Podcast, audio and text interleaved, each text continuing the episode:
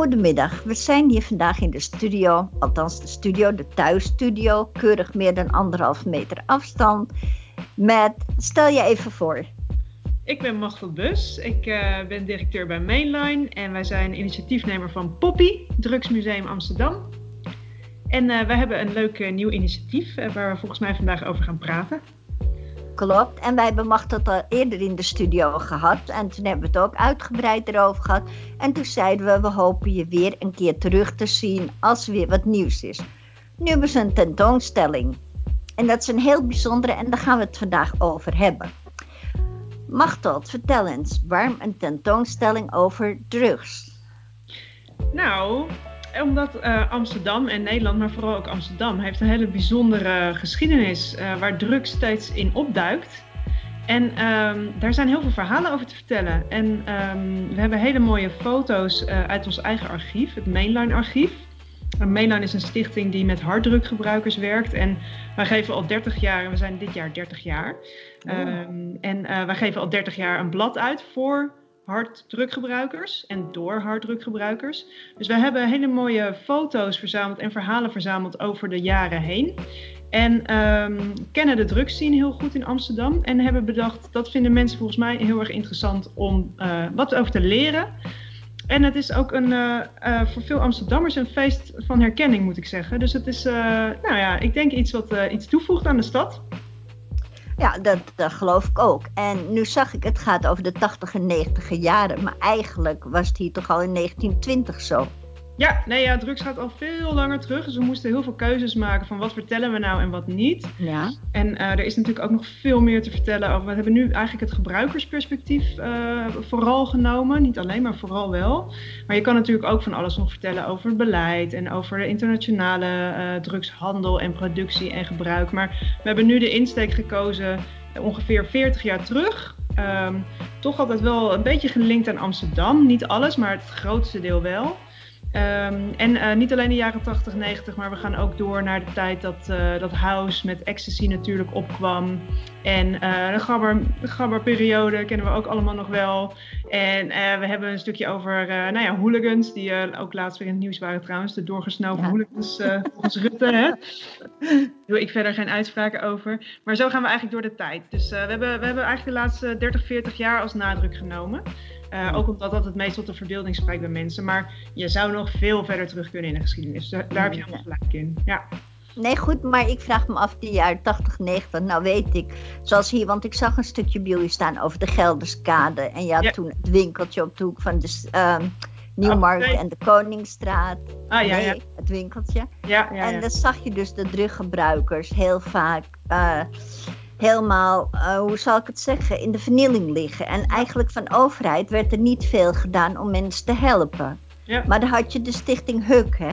Ja, ja het HUK is opgericht um, in de Spuistraat was dat. Daar hebben we ook hele mooie foto's van uh, op de expo. En een dia-serie nog uh, uit die tijd van uh, verslavingsarts André Havas. Die nam uh, druggebruikers mee op, uh, op leuke tripjes. Omdat hij ook vond dat mensen gewoon af en toe iets leuks moesten hebben in hun leven. Behalve alleen maar op straat uh, ellende meemaken. Dus het HUK was inderdaad een soort, ja, het was een soort eigen initiatief. Ik zou zeggen een voorloper van de gebruikersruimtes. Mm-hmm. Uh, en een plek waar mensen uh, spuiten konden krijgen, waar ze uh, een uitkering konden aanvragen, waar nog een beetje hulp hier en daar was, waar dus een arts af en toe kwam. Maar vooral ook een plek waar mensen een beetje beschut zaten. Was niet altijd even gezellig in het Huk, maar ja, het is wel een hele bekende plek voor veel mensen die al lang in Amsterdam wonen. Is dat echt wel een, een begrip. Er was natuurlijk ook veel overlast omheen, dus dat, dat was niet alleen maar uh, roze geur en maneschijn daar. Nee, maar die overlast kwam die ook niet een hoop doordat het um, verboden was en waardoor de drugscriminaliteit eigenlijk opkwam. Jazeker. In die jaren zag je dat heel erg, hè? Jazeker, ja. ja. Er werd in het begin, nou ja, eigenlijk gaat de heroïnegebruik uh, gaat ook wat verder terug al. Hè. Dat begon een beetje eind jaren 60 met de opium, ja. ging over naar heroïne. Jaren 70 begonnen daar de eerste problemen zich af te tekenen. Er uh, waren veel Surinaamse migranten ook die uh, naar Amsterdam kwamen en die geen goede, nou ja, niet goed konden aarden hier altijd. En die een beetje in die drugsscene terecht kwamen. Dus dat was ook wel een heel herkenbaar beeld. We hebben ook een hele mooie foto van die Surinaamse scene op de Zeedijk. En dat is echt jaren zeventig eigenlijk al. Ehm, en ja, mensen werden opgejaagd. Dus inderdaad, die overlast kwam voor een groot deel ook van ja, mensen die de hele tijd en achter geld aan moesten om hun, hun middelen te kunnen kopen. Maar ook wel ja, door het opjaagbeleid uh, ja, moesten mensen natuurlijk uh, ja, op allerlei manieren proberen nou ja, hun, hun leven te leiden op straat. En dan zaten ze verborgen in bijvoorbeeld kraakpanden en waar weer overlast vandaan kwam. En dan ging de politie daar weer een info in doen. En dan kwamen mensen weer op straat. En er was geen goede huisvesting. Het was natuurlijk ook een tijd dat er sowieso heel veel problemen met huisvesting waren. Dus dat is een hele combinatie geweest eigenlijk van, uh, van problemen die allemaal samenkwamen. En nou ja, druggebruik werd heel erg gestigmatiseerd, dus uh, dat hielp er ook niet bij. Uh, en ja, dat was heel zichtbaar op straat toen. En daarom is het denk ik ook voor veel Amsterdammers heel herkenbaar. Zeker als je in het centrum van Amsterdam woonde. ja, dan was dat gewoon onderdeel van het leven. Ja, je liep naar buiten en dan zag je mensen op straat gewoon echt actief gebruiken. Inclusief spuiten, uh, roken. Ja, dat zie je nu eigenlijk niet meer. Niet meer. Dus, maar het eh, komt ook door de verandering. Het was toen een ghetto. Ja. Puur ghetto was het. Ja, ja. dus door, door, door de verhalen heen uh, proberen we ook wel het beleid natuurlijk naar voren te laten komen.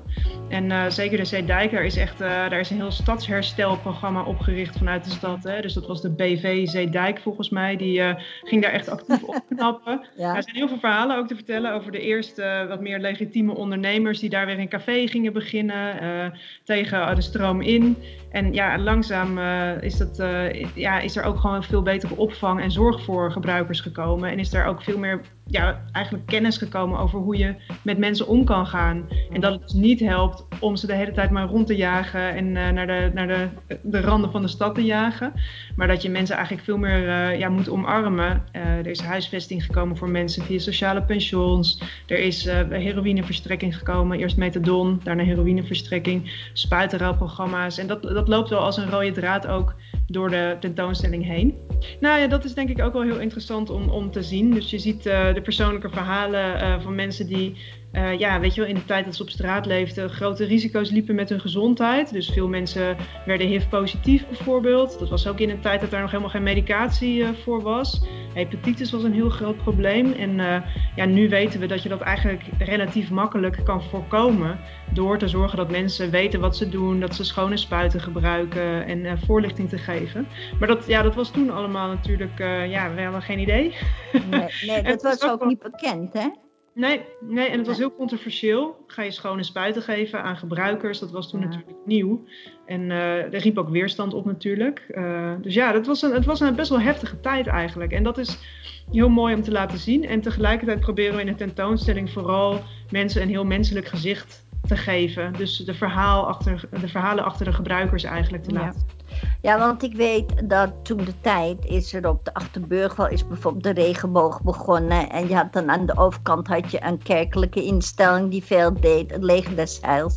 En toen werden mij, mensen eigenlijk een beetje ja, meer menselijk behandeld. Want daarvoor werden ze ook echt gewoon als criminelen natuurlijk behandeld. Ja, ja. En als je die mensen een gezicht geeft, dan denk ik dat je hun verhaal ook meer uh, uh, uh, begrijpelijker gaat maken voor andere mensen. Ja, dat denk ik ook. Ja, en, en het komt ook heel dichtbij, hè? want het is ook iets van ja, iedereen kan verkeerde keuzes in zijn leven maken. Nou is de een wat kwetsbaarder voor echt, echt verslaving dan de ander, maar iedereen kan verkeerde keuzes maken en, en door een serie aan slechte beslissingen op straat belanden, zeker toen de tijd. En dat is ook gewoon wel goed om te laten zien. Dat het, dat is niet een, een groep gekke mensen of zo. Het is gewoon eigenlijk uh, ja, een slecht toeval voor veel mensen dat ze in die scene terechtkwamen. En daar vervolgens niet meer uitkwamen. Omdat er zoveel stigma is op drugsgebruik. Omdat ze in een crimineel circuit terechtkwamen. Noodgedwongen omdat ze zoveel geld voor hun middel moesten uh, vergaren. En daar kom je op een gegeven moment gewoon niet meer uit. Is dat ook de reden? Want ik zag dus dat jullie vooral ook jongeren willen uh, benaderen en die willen laten zien hoe de drugscene in elkaar zit. Is dat misschien ook een reden daardoor? Ja, zeker. Nou, ik denk dat de tentoonstelling voor twee groepen heel erg boeiend is. Eentje is echt die, die groep Amsterdammers uh, die hier al wat langer woont. Dat, het de, feest der herkenning. Het is echt een feest der herkenning. En ook, ook daarna de opkomst van de Roxy. Dat spreekt natuurlijk voor heel veel mensen echt tot de verbeelding. Uh, en uh, da daar krijgen we heel veel positieve reacties op. Maar voor jongeren is dit zeker ook wel heel boeiend. Ja. Die kennen natuurlijk wat meer de, de festivals zien, waar, waar pilletjes gebruikt worden. Wat toch eigenlijk relatief onschuldig is als je het vergelijkt met de jaren 80, 90, waar gewoon echt een groot uh, overlastprobleem ook was. Waar mensen echt, echt kapot gingen aan de drugs. Uh, en dat gebeurt nog steeds natuurlijk, maar op een heel andere manier. En ik denk dat het heel interessant is voor jongeren om, om dat te zien. Zij kennen dat ook helemaal niet. Hè? Ik merk ook als wij stagiaires hebben bij Mainline bijvoorbeeld, dan, dan weten zij helemaal niet dat er vroeger mensen uh, drugs aan het spuiten waren. Dat, dat, geen idee. En dat is gewoon wel heel goed om weer uh, te vertellen, dat verhaal. Om te laten zien. En ook vooral, eh, wat ik dus vaak zie, is dat mensen filmen kijken van de Verenigde Staten bijvoorbeeld.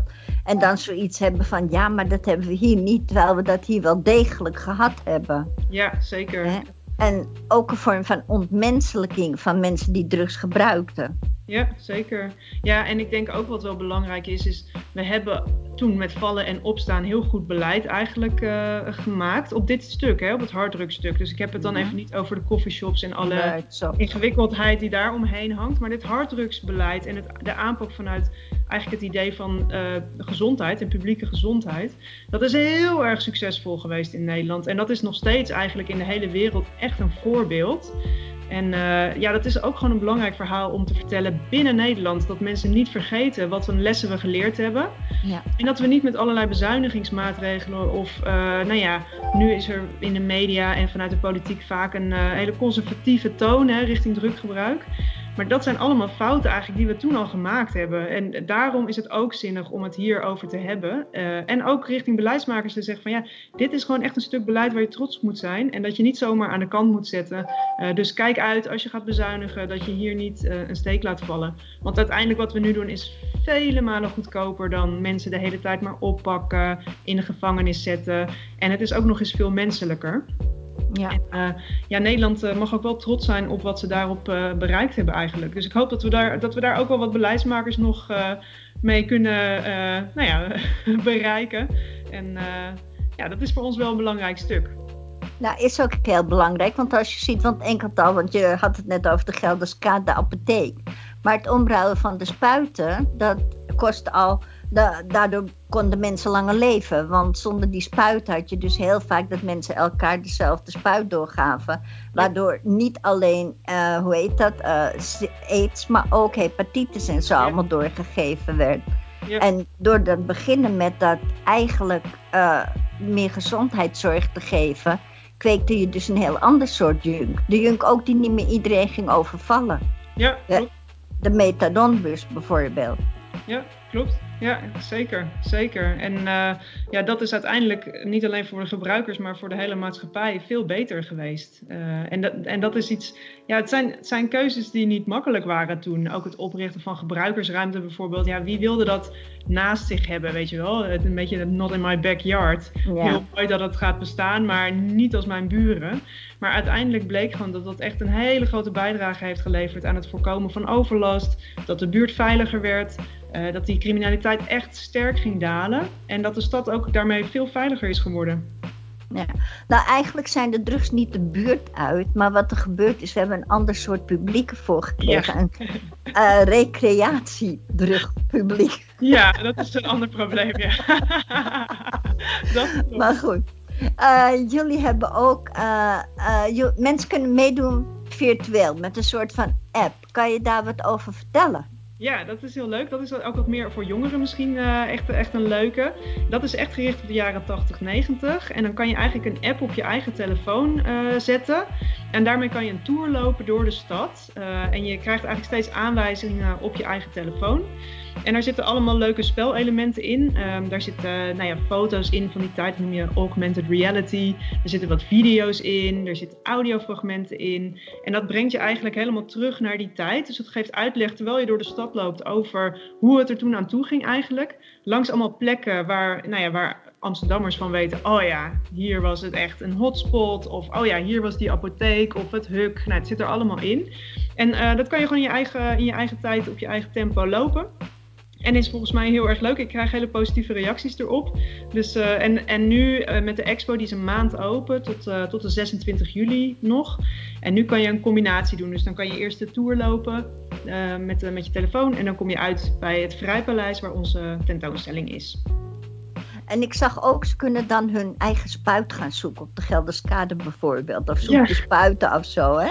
Ja, dus we doen er een beetje grapjes in om mensen ook. Het zijn natuurlijk allemaal mensen die uh, voor het eerst eigenlijk over dit onderwerp misschien wel nadenken of iets leren. Dus we doen er ook wat grapjes in, zodat uh, mensen uh, nou ja, gewoon op een leuke manier eigenlijk heel veel meekrijgen. Dus inderdaad, je kan met een 360 video spuiten zoeken op de Gelderse kade. maar, en dat is heel leuk. Maar er zit ook echt een hele serieuze, mooie, goede informatie achter. Dus uh, dat wil ik er wel bij zeggen. Maar het is dus ook gewoon heel leuk om te doen. En je kan punten halen, dus het is ook nog een spelelement. Uh, dus je kan nog uh, met je vriendengroep gaan concurreren wie het meeste weet. Nou, maar ik denk dat het voor jonge mensen juist veel belangrijker is, zo met een spel element, dat ze daar aan mee kunnen doen. Want anders dan wordt het gauw saai. En ja, die oude mensen, wat hebben wij daar allemaal mee te maken? Maar dit is dus iets wat actief is. En dat lijkt me heel goed. Ja, zeker. Zeker. Goed, uh, jullie hebben ook debatten, films en themaavonden. Vertel daar eens wat over. Ja, nou ja, we hebben dus de, de expositie staan, de tentoonstelling. Dat is uh, eigenlijk uh, de basis. En uh, daarbij proberen we allerlei dingen te organiseren, eigenlijk rond het onderwerp drugs. dus de hele maand hebben we eigenlijk ja, allerlei debatten, lezingen, presentaties, filmscreenings. Um, in de avonduren vooral, soms ook middagen. Um, bijvoorbeeld gisteravond hadden we een hele leuke avond met professor Gemma Blok. Die draait ook al heel lang mee. Die doet veel onderzoek in de drugsscene. En die heeft wat verteld over de geschiedenis van heroïne uh, in Nederland. En een heel goed bezochte avond. Er was echt een hele leuke discussie daarna met, met allerlei uh, verschillende mensen. Um, en uh, nou ja, morgenavond hebben we bijvoorbeeld een avond over spiritualiteit en drugs. En dat gaat een Amsterdamse stadspastoor verzorgen. Dus die komt eigenlijk vanuit een hele andere hoek uh, zijn visie op het huidige gebruik uh, geven. Um, en dat is dan het, het, snuiven en het slikken, zeg maar. En hij linkt dat eigenlijk aan uh, ja, de spiritualiteit en de behoefte van mensen om ergens bij te horen. En nou ja, dat, dat is denk ik een heel mooi verhaal. Het trekt weer een heel ander publiek. Verder hebben we uh, allerlei filmscreenings. We willen nog een masterclass gaan organiseren over drugsregulatie. Dus wat, wat is daar nou in mogelijk en onmogelijk? Zijn dat uh, stappen die we in Nederland ook zouden kunnen nemen? Uh, zou je bijvoorbeeld ecstasy daarvoor kunnen nemen als testcase? dus daar willen we echt wat dieper ingaan eigenlijk op dat onderwerp. Uh, verder hebben we de politie nog op bezoek. Iemand die uh, promoveert uh, binnen de politie op ook geschiedenis van drugs in Nederland, maar dan vanuit politieperspectief. Vind ik zelf echt heel boeiend. ja, en eigenlijk nog van alles. Dus we hebben een heel programma in elkaar gedraaid. We zijn ook heel moe allemaal. Uh, het is je niet aan te zien. Dus ja, het is ook grappig, want we hebben, we hebben die tentoonstelling een maand en er is zoveel te vertellen. Dus uh, nou ja, we, we gaan echt uh, all out. Dus we hebben een avondprogramma met bijna elke avond hebben we wel iets wat te doen is. En dan kan je en daarheen en dan kan je natuurlijk ook de expo bekijken. Dus dat is extra leuk. Goed, dan kom ik nog even terug op de verslaafden. Heb jij er een idee van of er nog veel heroïneverslaafden zijn in Amsterdam? Ja, nou ja, er zijn er ongeveer duizend nog in Amsterdam. en dat is allemaal een bepaalde generatie. Dus het is allemaal de generatie eigenlijk van toen, of uh, gros. Uh, dus ja, wat, wat, we altijd zeggen, in, uh, in Nederland hebben we gewoon eigenlijk dat heroïnegebruik tot een generatie weten te beperken. Wat ook heel goed is. En mensen kunnen er ook heel oud mee worden. Dus dat, ja, dat is echt een generatie die nu 55 plus is, zeg maar. Die, zijn mensen met een, een stevig leven geleiden, geleiden, geleid, stevig geleefd. geleefd. um, en, en, maar die uh, zijn nog steeds uh, in redelijke gezondheid. Um, en uh, nou ja, die zitten bijvoorbeeld in een methadonprogramma of een heroïneverstrekking en kunnen daar eigenlijk heel goed mee functioneren. Um, dus ja, die mensen zijn gewoon nog onder ons en is misschien wel je buurman en heb je helemaal niks van door. natuurlijk is er ook een groep die echt wat, wat problematisch gebruikt nog steeds. en vaak zitten daar ook wel meer problemen onder, psychiatrische problemen. Of uh, mensen met uh, nou ja, zware trauma's bijvoorbeeld. Dus dan wordt het natuurlijk een veel complexer beeld. En mensen worden goed opgevangen gelukkig uh, in de stad. Dus nou ja, in, in sociale pensions of mensen hebben begeleid wonen. Dus dat is eigenlijk heel goed. er zit eigenlijk niet zoveel verschil in met zeg maar alcoholgebruikers. Um, nee, nee, nee. Dat, uh, alcoholgebruikers kunnen op eenzelfde manier echt, echt helemaal verslingerd zijn aan hun middel en daar allerlei problemen van ondervinden. Dus dat is zeker wel vergelijkbaar. Ja, ja. En er wordt ook veel gecombineerd natuurlijk. Veel mensen gebruiken meerdere middelen die echt, uh, echt problematisch gebruiken. Um, en jongeren, ja, wat, wat wel interessant is natuurlijk in deze tijd. Ik bedoel, heroïne is ook gewoon een opiaat. Uh, morfine, uh, wat we allemaal in het ziekenhuis uh, gebruiken, is ook een opiaat. dat is allemaal dezelfde familie. En er zijn de laatste jaren natuurlijk veel zware pijnstillers op de markt gekomen. En de meeste mensen weten ook wel dat, dat in Amerika bijvoorbeeld daar heel veel problemen vandaan zijn gekomen. Dus, Vicodin zo. Ja, precies. Uh, oxycodon. Ja. En, uh, in Amerika is dat heel scheutig voorgeschreven. En uh, nou ja, op een gegeven moment werd dat gereguleerd. En toen zijn mensen overgestapt op, op heroïne. En daar is nu nog steeds een flinke staart van echt grote problematiek te zien. Maar ook in Nederland zijn er toch iets van 200.000 gebruikers van dit soort zware pijnstillers. wij zien dat nog helemaal niet op straat terug. dat zijn mensen die toch nog redelijk in hun eigen verslaving kunnen voorzien. Uh, maar is natuurlijk wel een groep waar je zorgen over kan maken. Dus ook daarvan kan je zeggen, ja, daar moet je die lessen van het verleden gewoon wel steeds erbij pakken. Uh, dit is uiteindelijk hetzelfde middel, alleen in een wat uh, beschaafdere vorm, misschien zou je kunnen zeggen, pilvorm. Weet je wel, dat is wat minder, nou ja, met taboe omgeven dan, dan spuiten bijvoorbeeld. Maar het is hetzelfde middel. En dat zijn wel dingen om goed in de gaten te houden. Dat mensen ook weer weten van, oh ja, dit is is het eigenlijk uh, ja, toch, toch uh, een risico. Als je drugs zegt, dan denkt men altijd meteen aan misdaad. Maar is het niet jammer dat mensen niet weten dat sommige drugs minder gevaarlijk zijn dan een recept van de dokter? Ja, ja nou ja, het is ook goed om dat gesprek ook aan te gaan. Van ja, heel veel medicijnen of heel veel drugs worden in een medische setting ook toegepast. En er zijn ook hele interessante ontwikkelingen op dat gebied. Uh, bijvoorbeeld uh, MDMA, het ecstasy. Hè? Ja. Dat wordt ook nu, uh, er wordt veel experimenten mee gedaan in therapeutische ses, setting. Dus dat, dat wordt ge gebruikt om te kijken of mensen daar iets aan hebben bij bijvoorbeeld traumaverwerking. en, PT. Ja, PTSS. En dat is heel veelbelovend. Er worden echt veel experimenten mee gedaan. Hetzelfde met psychedelica. dus, dus heel vaak zijn dezelfde middelen in een andere setting van een heel andere betekenis. En dat is eigenlijk het interessante aan, aan drugs. Uh, dat door het maatschappelijke oordeel, uh, wat je eigenlijk in het begin ook zei, daar begint heel veel ellende. Terwijl in een maatschappelijk, uh, maatschappelijke context waar het allemaal geaccepteerd is, bijvoorbeeld medisch, worden gewoon dezelfde middelen ingezet. En daar krijgen mensen, hebben misschien mensen daar juist heel veel baat bij. Terwijl als je op straat je spullen koopt uh, en, uh, en thuis gebruikt, kan je er misschien wel heel veel problemen mee krijgen. En eh, ja. dat is een interessant gesprek ook om te voeren, om mensen toch voor te lichten van ja, het zijn allemaal in principe dezelfde families van, van middelen. Ja, eigenlijk is het uh, gewoon een cirkeltje, want de drugs die nu, of de drugs, de medicijnen of de pijnstillers die bij arts voorgeschreven worden, komen eigenlijk allemaal weer voort uit de natuur. Dus eigenlijk komen die weer van de papavermol en van weet ik, uh, hè, allemaal verschillende middelen. Ja. En terwijl dat dan wel gereguleerd is en dat mag en dat is geen probleem. Maar als jij zeg maar een stik opsteekt omdat je kanker hebt en omdat je pijn hebt, dan is dat plots, oh jee, je bent een druggebruiker. Ja. Wat dan ja. weer heel raar is in principe. Klopt. En ja, daar zie je eigenlijk dat in dat hele drugsverhaal we helemaal geen duidelijke antwoorden hebben. En dat heel veel van de beslissingen die we ook op beleidsniveau maken, eigenlijk door moraliteit of door emotie worden ingegeven. En dat is echt zonde. Dus, dus uh, met, met Poppy, het Drugsmuseum, willen we ook wel bijdragen dat mensen dit soort gesprekken echt op basis van feiten gaan voeren.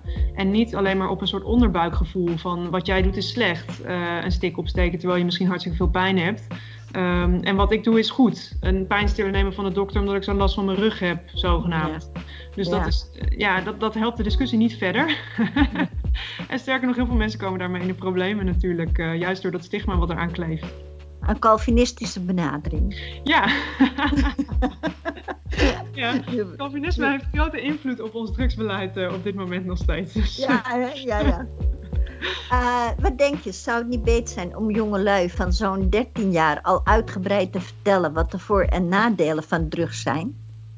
Ja, ja, nou ja, dat, daar, dat is een interessant onderzoeksgebied ook, want daar is uh, uh, eigenlijk steeds meer over bekend wat werkt En um, tegelijkertijd um, uh, ja, ook wel wat voorzichtigheid geboden.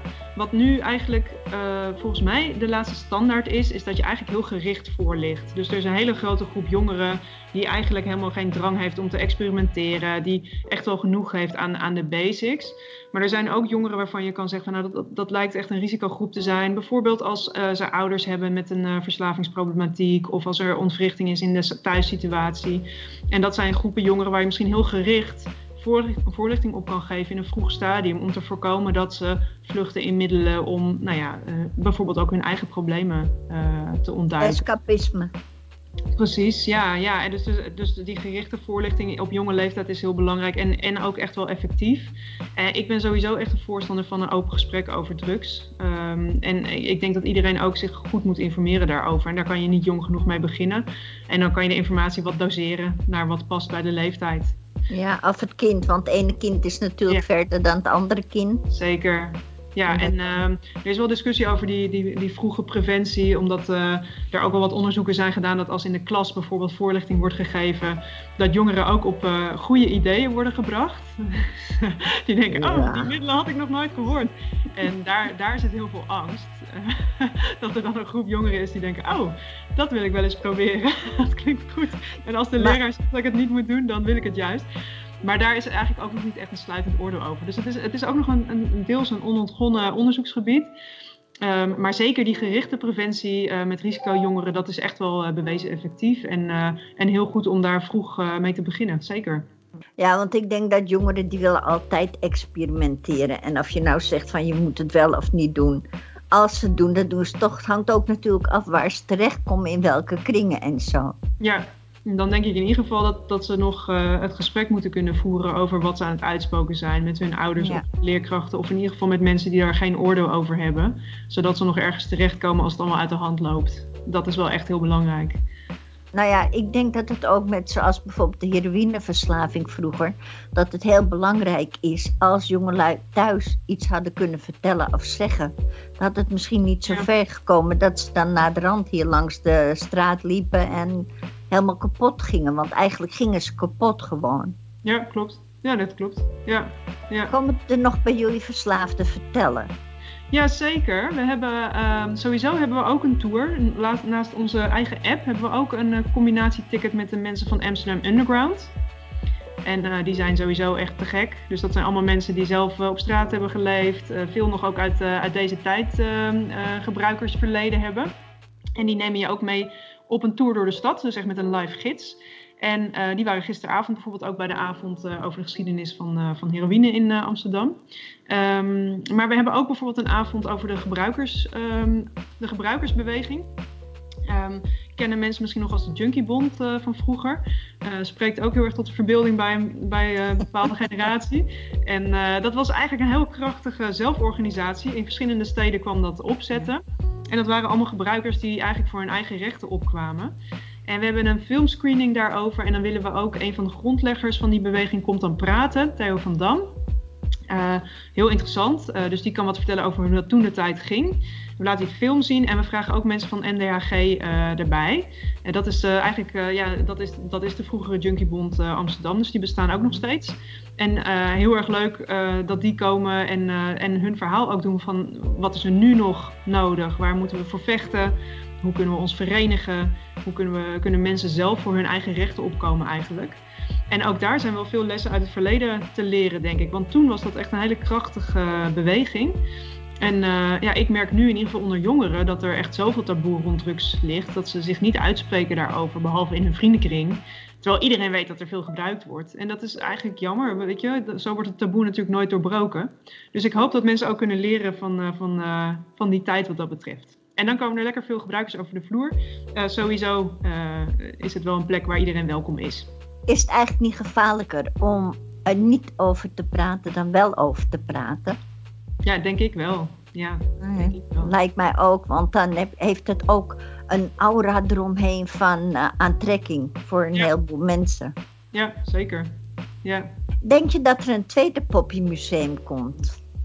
Nou ja, wij, wij, uh, wij zijn uh, nu nog de enige natuurlijk en dat hopen we te blijven. Maar wij zijn in opbouw. dus deze tentoonstelling is eigenlijk onze eerste pop-up in de stad. En die is dan een maand open.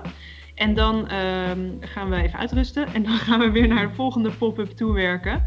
En dan gaan we weer een hele andere vorm aannemen. Dus uh, de volgende keer willen we eigenlijk uh, iets met virtual reality gaan doen. Met uh, 360 graden documentaires. En dan hebben we een wat meer internationale insteek ook. Um, en dan gaan we weer ergens in de stad opduiken op een andere locatie waar mensen weer naartoe kunnen komen. En zo willen we eigenlijk steeds op een andere manier weer ons heruitvinden.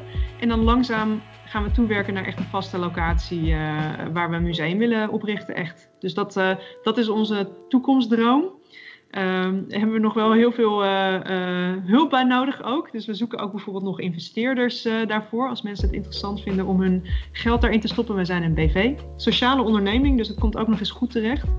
Um, en zo willen we eigenlijk gaan uitbouwen. Rustig aan, dat we ook wat ervaring zelf opdoen. Wat vinden mensen nou leuk? Waar komen ze op af?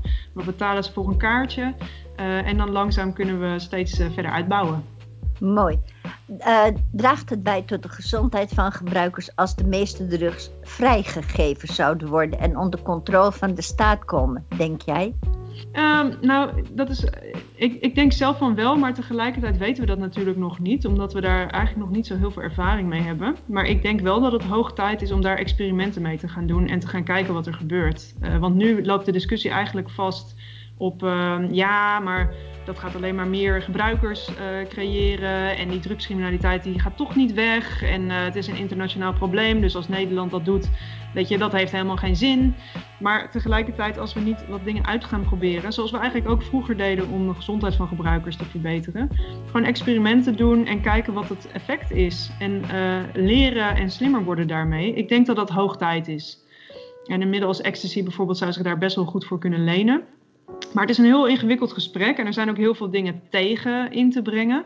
En daarom willen we ook bijvoorbeeld een masterclass organiseren precies over dit onderwerp. Om, om eigenlijk alle nuances van die discussie goed um, te bekijken en er wat dieper op in te gaan. Want nu loopt het gesprek eigenlijk vast, ook omdat we heel veel niet weten. Mm. Um, en omdat we, het is zo'n complex probleem drugs. Het heeft met gezondheid te maken. Het heeft natuurlijk ook met echt zware internationale criminaliteit te maken. Justitie en politie hebben hier natuurlijk heel veel over te zeggen. Maar de zorg ook en gebruikers zelf ook. Um, dus je komt niet heel eenvoudig tot een oplossing als je niet heel goed naar elkaar luistert en creatieve oplossingen probeert te bedenken. Dus ik hoop dat met die masterclass die we organiseren, dat we daar eigenlijk een diepere laag in kunnen aanbrengen zonder dat je twee kampen hebt van ik ben daarvoor of ik ben daar tegen. Maar gewoon goed kijken van wat weten we nou? Wat zou er mogelijk zijn? Zijn er stappen die je kan nemen daarin? En, en hoe, kan je dat dan, hoe kan dat er dan uitzien? Ja, goed mij... luisteren naar elkaar. Ja, dat is echt belangrijk. Want uh, het is zo'n beladen onderwerp uh, dat mensen dat gewoon echt vergeten. Ja, het is ook altijd omgeven met een waas van, uh, hoe moet ik het zeggen, onder tafel stoppen. We praten ja. het niet over. Ja, en veel emotie. En ik snap ook uh, emotie bijvoorbeeld vanuit, uh, weet je, je hebt natuurlijk in Nederland een heel groot probleem ook met uh, ondermijnende criminaliteit, wat vaak met drugs te maken heeft. Grote ecstasy-productie, crystal meth productie die nu ook opduikt in Nederland. Grote zorgen daaromheen met criminaliteit en de harde criminaliteit die daaromheen hangt. Weet je, dat heeft natuurlijk heel veel impact op onze maatschappij en de veiligheid. Uh, je hebt die ondermijnende criminaliteit die juist heel erg sluipend is. Hè? Dus, dus eigenlijk allerlei mensen met gewoon een, een legitieme onderneming, boeren, uh, mensen bij de haven, die toch ook in de verleiding komen. Ja, nou ja, die toch in de verleiding ook komen voor het snelle geld. Ja, en, en zo, zo ondermijnt dat eigenlijk die hele maatschappij. En ik snap ook dat dat een hele emotionele discussie is, ook als je aan de justitiekant werkt en ook vanuit de politiek, dat je graag wil hard optreden. Meer geld daarheen, hard optreden. En dat is ook wat we nu weer zien. Maar tegelijkertijd denk ik, ja, we moeten er ook, ook daarbij onze emoties opzij zetten en kijken wat werkt nou echt. Ja. En er is toch ook echt heel veel literatuur over, uh, weet je, wat de negatieve impact is van meer repressie. Namelijk steeds agressievere, gewelddadigere monopolies die overblijven. En dat wil je echt niet, want dat is alleen maar meer geweld. Dus, dus ook daar ja, moeten we naar elkaar luisteren, moeten we elkaar gaan vinden. En gaan kijken van wat, wat weten we nou echt, uh, puur op basis van feiten, wat de gevolgen zijn van bepaalde acties. En eigenlijk weten we over de jaren heen al lang dat grotere budgetten op justitie geen groot verschil gaan maken. Dat weten we al lang. Uh, alleen. Onderbrengen naar gezondheidszorg? Nou, wat mij betreft wel. Uh, en, en naar ons museum. nee, maar er mag echt wel een, een, portie van dat geld naar, naar een, in ieder geval de wat uh, meer preventiekant van dingen. En dat zit ook in preventie van hoe voorkom je nou dat jongeren in achterstandswijken, ook in Amsterdam, die drugscriminaliteit ingetrokken worden. En dat, daar is heel veel geld voor nodig. Hoe zorgen dat die jongeren echt kansen krijgen in de maatschappij, dat ze zich kunnen ontwikkelen, dat ze een goede plek kunnen vinden, dat ze uitzicht hebben op werk en op stages en op weet ik veel wat. En uh, dat ze niet uh, um, ja, in de verleiding komen voor dat snelle geld. Daar is heel veel geld voor nodig. En daar zit ook een heel scala aan andere issues onder, wat in, in bepaalde wijken gewoon nodig is. Betere huisvesting. Daar, in, mijn, in mijn optiek moet daar het geld heen. Ja, dan heb je dus uh, gewoon ook te maken met sociale problemen. Waardoor hè, drugdealers. Kijk, je hebt twee soorten. Je hebt degene die in de armere wijken wonen, die drug gaan dealen. En je hebt natuurlijk degene die in de duurdere wijken wonen, die het geld hebben en die hoeven niet te dealen in principe. Ja. Omdat de ene groep moet het hoofd boven water houden. Ja, precies. En dan is het gewoon heel makkelijk om in, die, in dat circuit aan je geld te komen en, uh, en een beetje status te verwerven. En, ja. En, dat, en dat is eigenlijk zonde, want dat, is een, dat vind ik eigenlijk het grote zorgpunt in deze hele discussie is dat eigenlijk een onderwerp wat niet aan de orde komt, omdat het gewoon heel ingewikkeld is. Want hoe ga je zorgen, dat, is natuurlijk een investering van decennia om die wijken uh, op, een, op een goede manier op te knappen en te zorgen dat mensen, weet je wel, een goede huisvesting hebben en, en kansen. Um, en ja, naar mijn mening moet daar meer geld heen. En ja, dat is een gesprek wat niet gevoerd wordt nu in de politiek. Nou, ik zal het voor mij in rekening nemen. De afgelopen jaren heeft dit kabinet ontzettend bezuinigd op mensen in een uh, achterstandswijk, mensen die armoede hebben. En het geld is allemaal gegaan naar de grotere jongens die het echt niet nodig hebben. Omdat deze regering een voorkeur heeft voor alles wat flitsend snel en verdienend is, maar gewoon niet omkijkt naar de burger. De gewone burger in de achterstandswijk. En ik denk dat daar een groot stuk van de, diep, van de problematiek zit. Ja. Althans, dat gevoel heb ik altijd. Dat denk ik ook. En dan is drugs eigenlijk alleen maar een symbool. Uh, wat uh, een afleiding is voor waar we het eigenlijk over moeten hebben. Ja. En, uh, we hebben het ook niet over uh, grote corruptie die, uh, die overal plaatsvindt in de havens bijvoorbeeld, waardoor al die containers met cocaïne ehm, constant maar binnenkomen. Dat is natuurlijk een heel gevoelig en ingewikkeld gesprek. Dus liever heb je het over hoe gaan we al die labs oprollen en weet je wel, harde, harde vuist tegen de producenten. Dat levert kiezers op. Ja, ja, dat is de quick fix. Maar drugs is nooit, weet je wel, de oplossing voor drugsproblematiek is nooit een quick fix. Het is altijd complex. En, en ja, daarom mijn oproep altijd om, om echt naar elkaar te gaan luisteren en dit gesprek op een andere manier aan te gaan. Kunnen we misschien stellen, we zijn nu bijna aan het eind van het gesprek, kunnen we misschien stellen, drugs zijn er altijd geweest, zullen er altijd zijn. En laten we het gewoon een onderdeel van de maatschappij zijn, wat gereguleerd is en waardoor we dus minder kans op criminaliteit hebben. Ja, ik, ik ben het daarmee eens. Ja. Zijn we het weer met elkaar eens? Ja, maar daarom nodig je me ook uit, denk ik. ja. Nou, nee hoor. Ik wil ook iemand uitnodigen met wie ik het niet eens Maar dit, dit is gewoon een onderwerp waarvan ik denk dat ieder weldenkend mens zo moet denken.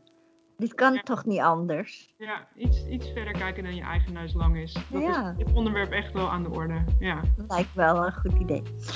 Nou, Mac, ik zou zeggen heel erg bedankt voor dit gesprek. Dankjewel wel. Ik vond het leuk om te zijn op deze virtuele manier. Ja, leuk hè? Ja. Nou. Heeft het ook nog wat goeds opgeleverd, de corona? Ja, dus... zeker. nou, hartstikke bedankt. En uh, uh, ja, we spreken elkaar snel wel weer een keer. En uh, Leuk. Nou, ik allemaal langs. In het, uh, we zitten in het Vrijpaleis. Uh, ook echt een unieke locatie in Amsterdam trouwens. Het oude NRC-gebouw zegt heel veel mensen nog wel iets. En uh, daar zitten we met onze tentoonstelling. Dat is de Paleisstraat 107.